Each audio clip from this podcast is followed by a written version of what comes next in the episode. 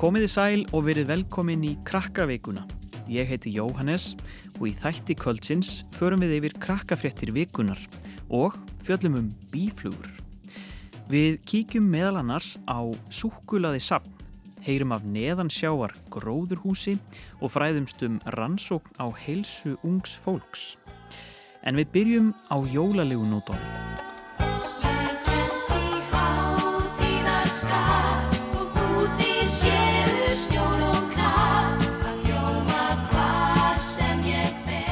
Í gær var fyrsti sunnudagur í aðvendu.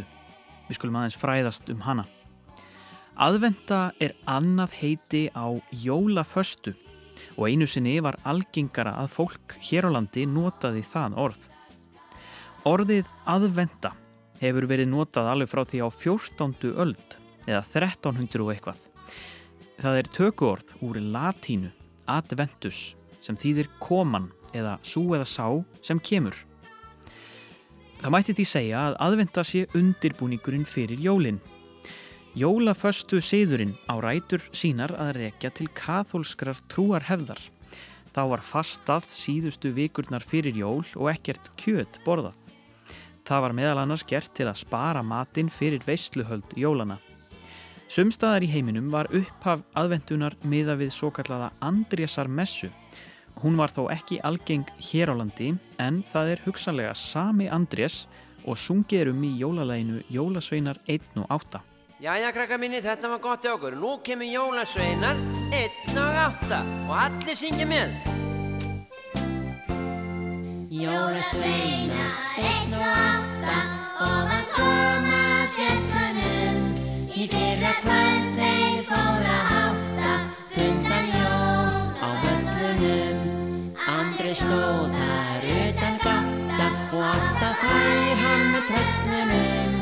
En þá var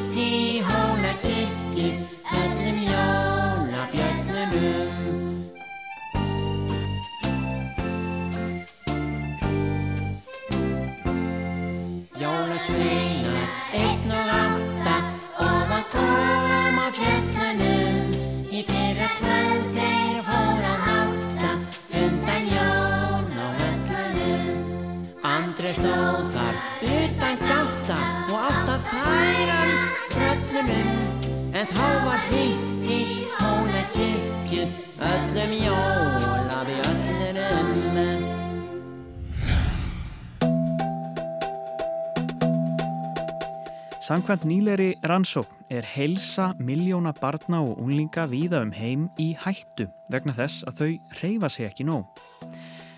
Nú nýlega kynnti alþjóða heilbrigði stopnunin rannsókn sem var gerð meðal krakka á aldrinum 11 til 17 ára. Hún var unnin í 146 löndum á árunum 2001 til 2016. Samkvæmt henni fá fjögur af hverjum fimm börnum ekki næga reyfingu daglega. Með því að reyfa sig lítið stopna börnin og unglingarnir heilsu sinni í hættu. Mælt er með því að krakkar reyfi sig í minnst klukkutíma dag. Þannig styrkja þau hjarta og lungu, vöðva og bein og bæta andlega og líkamlega líðan. Sérfræðingur hjá Alþjóða heilbreyðistofnuninni segir að það séu meiri líkur á því að fólk sem reyfir sig nóg á unga aldri líði vel á fullarins árum og komi þannig í veg fyrir ímsa sjúkdóma. Í rannsókninni kemur líka fram að ástæðan fyrir þessu er ekki bara leti, heldur vantar krakkana oft kvartningu til þess að reyfa sig eða finn ekki íþróttir sem henda. Það á við allstaðar í heiminum.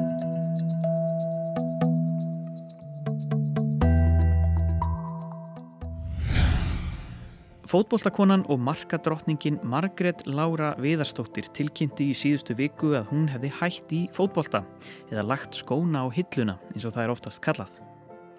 Margrét Lára varð Íslandsmeistari með val í haust og varð í sumar önnur konan til að skora 200 mörg eða meira í efstu deilda á Íslandi. Samtals 207 mörg. Hún er markahæsti leikmaður landsliðsins frá upphafi. Hún hefur líka verið eina konan á lista yfir tíu markahæstu leikmenn í Evrópukeppnum. Fyrsti meistaraflokksleikur Margreðar Láru var árið 2001 þegar hún var 15 ára. Hún spilaði með IBVF til 2004 þegar hún færði sig yfir til vals. Eftir það fór hún út í atvinnumennsku. Hún hefur spilað 124 landsleiki og skoraði í þeim 79 mörg og tók við sem fyrirliði liðsins árið 2013. Margret Lára varð fjórun sinnum Íslandsmeistari á ferlinum, einu sinni byggarmeistari, varð fimm sinnum markahæst í deildinni hér heima, einu sinni í sænsku deildinni og þris var í meistaratild Evrópu.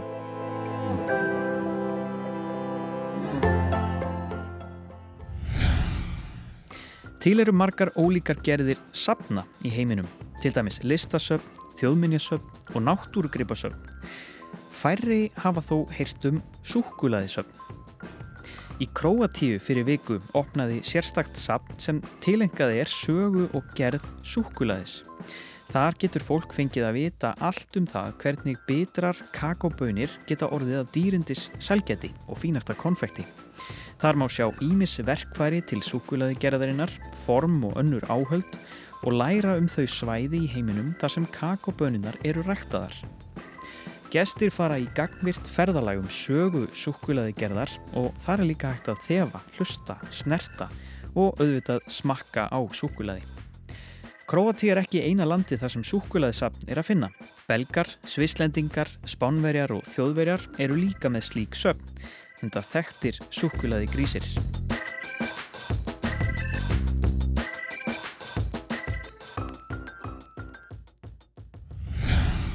Og meira um mat, því grænmeti gæti í framtíðinni verið ræktað neðan sjáar.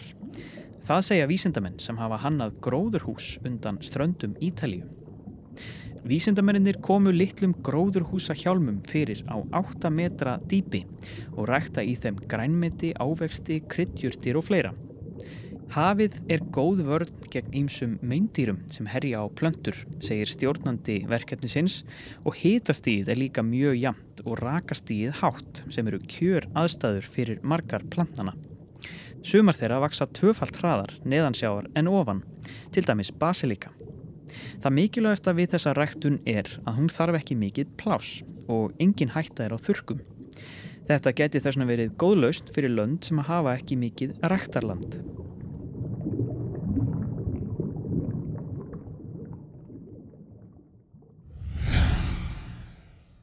En þá að allt, allt öðru. Nú er aðvendan byrjuð, fólk farið að huga að jólaháttíðinni og stundum nýstingskuldi úti. Þá eru bíflugur öruglega síðasta dýrið sem kemur upp í hugan. En við ætlum nú samt að fjalla um bíflugur.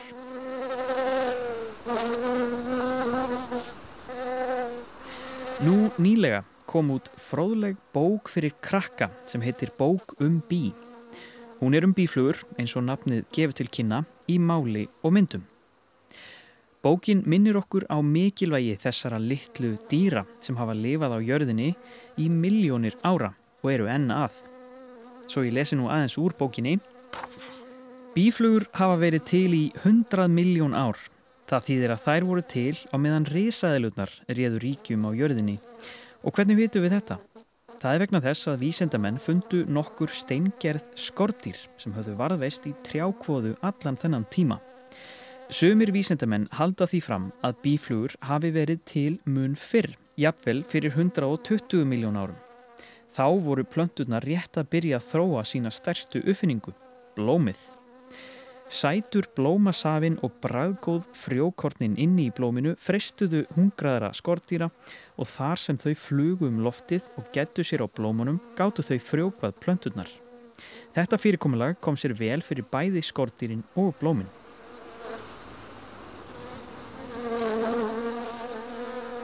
Ég ákvaða að fara aðeins á stúfana. Það er svo litið erfitt að finna bíflugur á þessum ástíma en ég vissi um einn stað. Hústýragarðin. Skellum okkur þangað.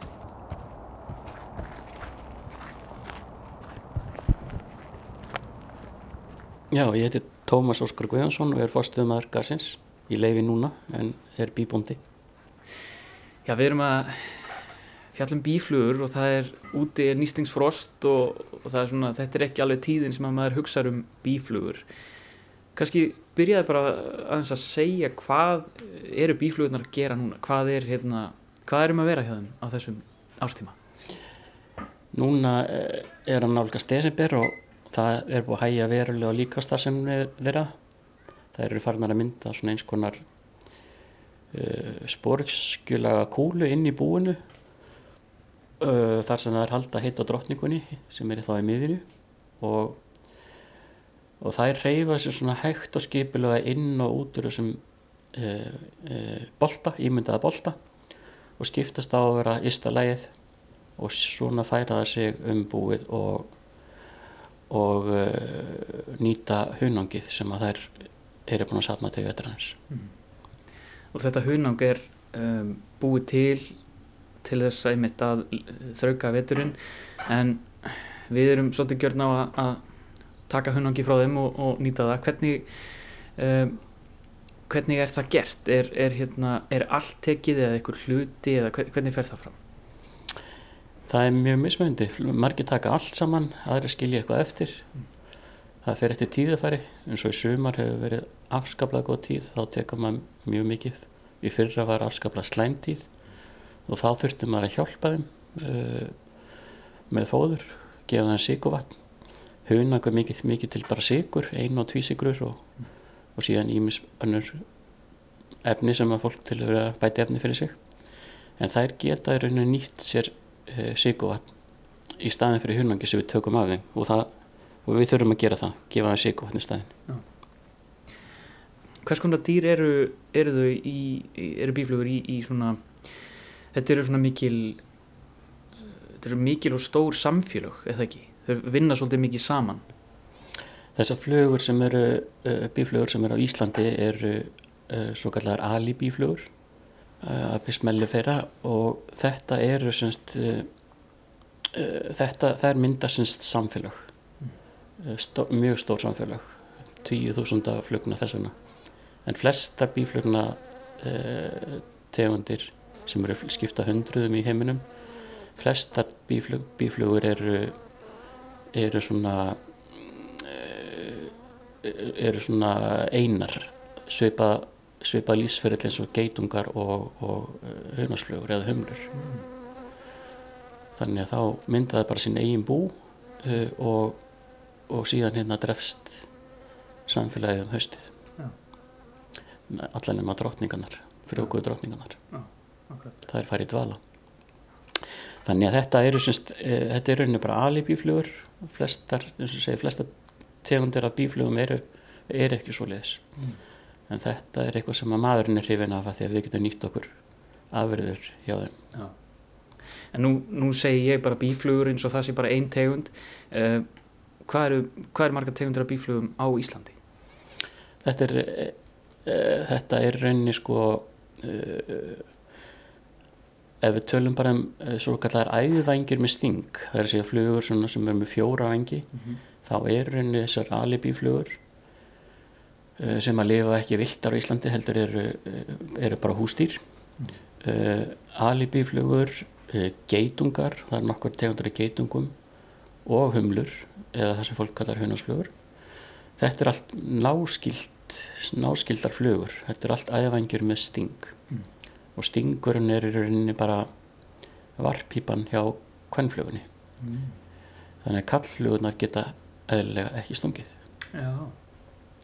Þannig að þeir sem eru hrætti við uh, svona þennan, þennan óhugnalega brott á bíflugum, þeir eru hrætti við kvennflugunar. já. Nákvæmlega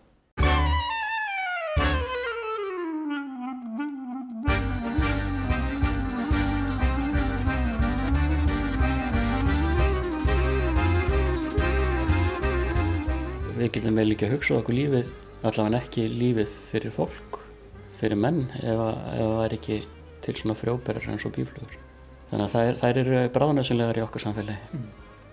Ég bara nefnir sem dæmi mest all ávasta uppskýra sem, að, sem að við erum að fá keift í búðunum. Þetta er tilkomið fyrir frjókun bíflugna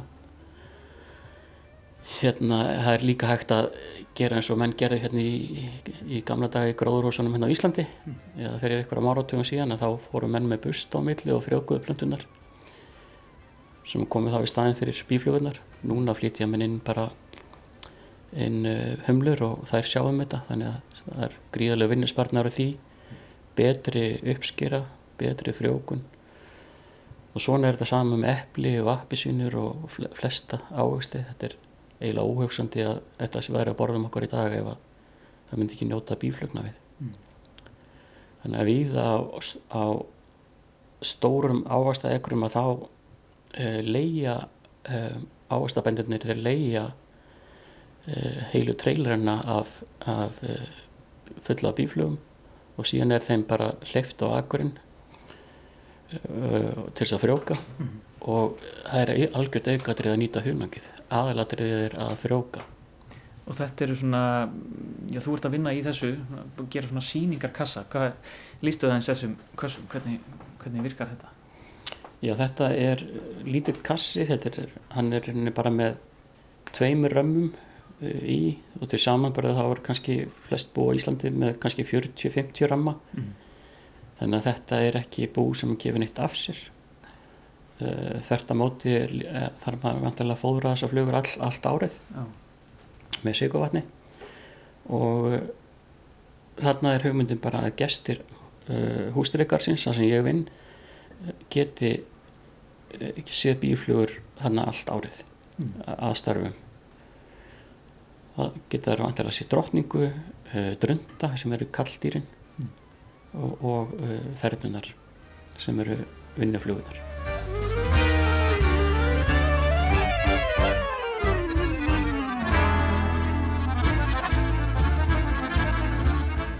Hvað var það sem að svona dróð þig út í, út í þetta? Hvað, hvað, akkur fyrstu áhuga á bíflugum frekar en, frekar en öðrum dýrum?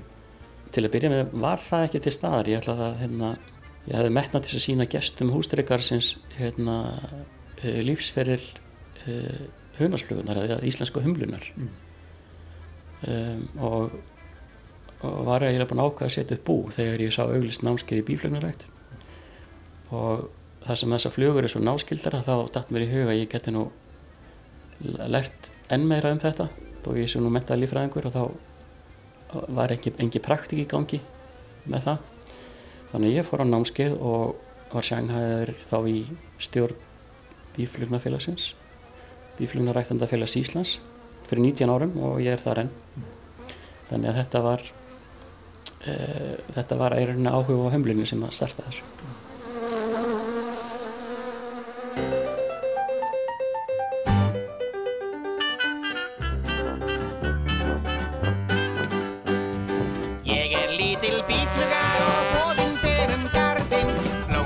Blóma milli svíf ég um daginn út og inn Við þökkum Tómasi kærlega fyrir spjallið og allan fróðleikin og hlökkum til að taka vel á móti bíflugunum þegar þær fara á stjá í vor. Og það verður líka spennandi fyrir þau ykkar sem er að fara í hústýragarðin á næstu vikum. Það er aldrei að vita nema kassin sem Tómas er að vinna að verið tilbúin og fullur af bíflugum. En þá er ekki fleira í þættinum í byli. Krakka vikan verður í útvarpinu á sama tíma á rás 1 eftir viku og það er auðvitað hægt að finna okkur á vefnum krakkarúf.is og í krakkarúf appinu. Við heyrum svo í jólaskapi á aðvendunni en þanga til næst. Bless, bless. Það reptum við snabbnarða konstigt í tónus Já, ég er ekki vel að mér í þessum fræðum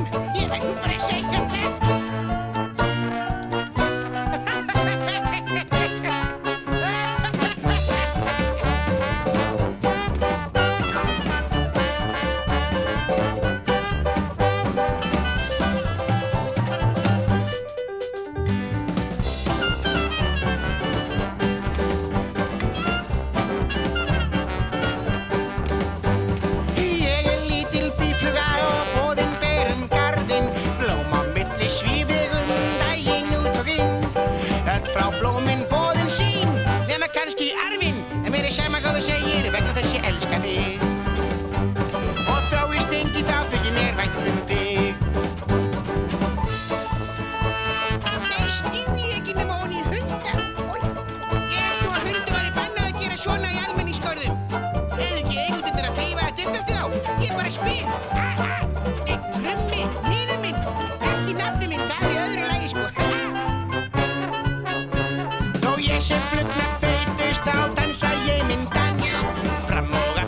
leysist um í byltum mólaskans Ofta svo ég enda í miklum flugnafans. En mér er sama þó þú æpir vegna þess ég elska þig.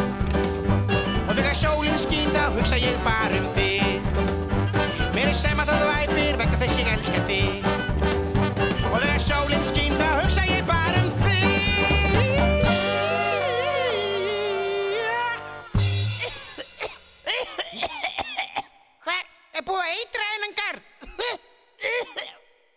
merah.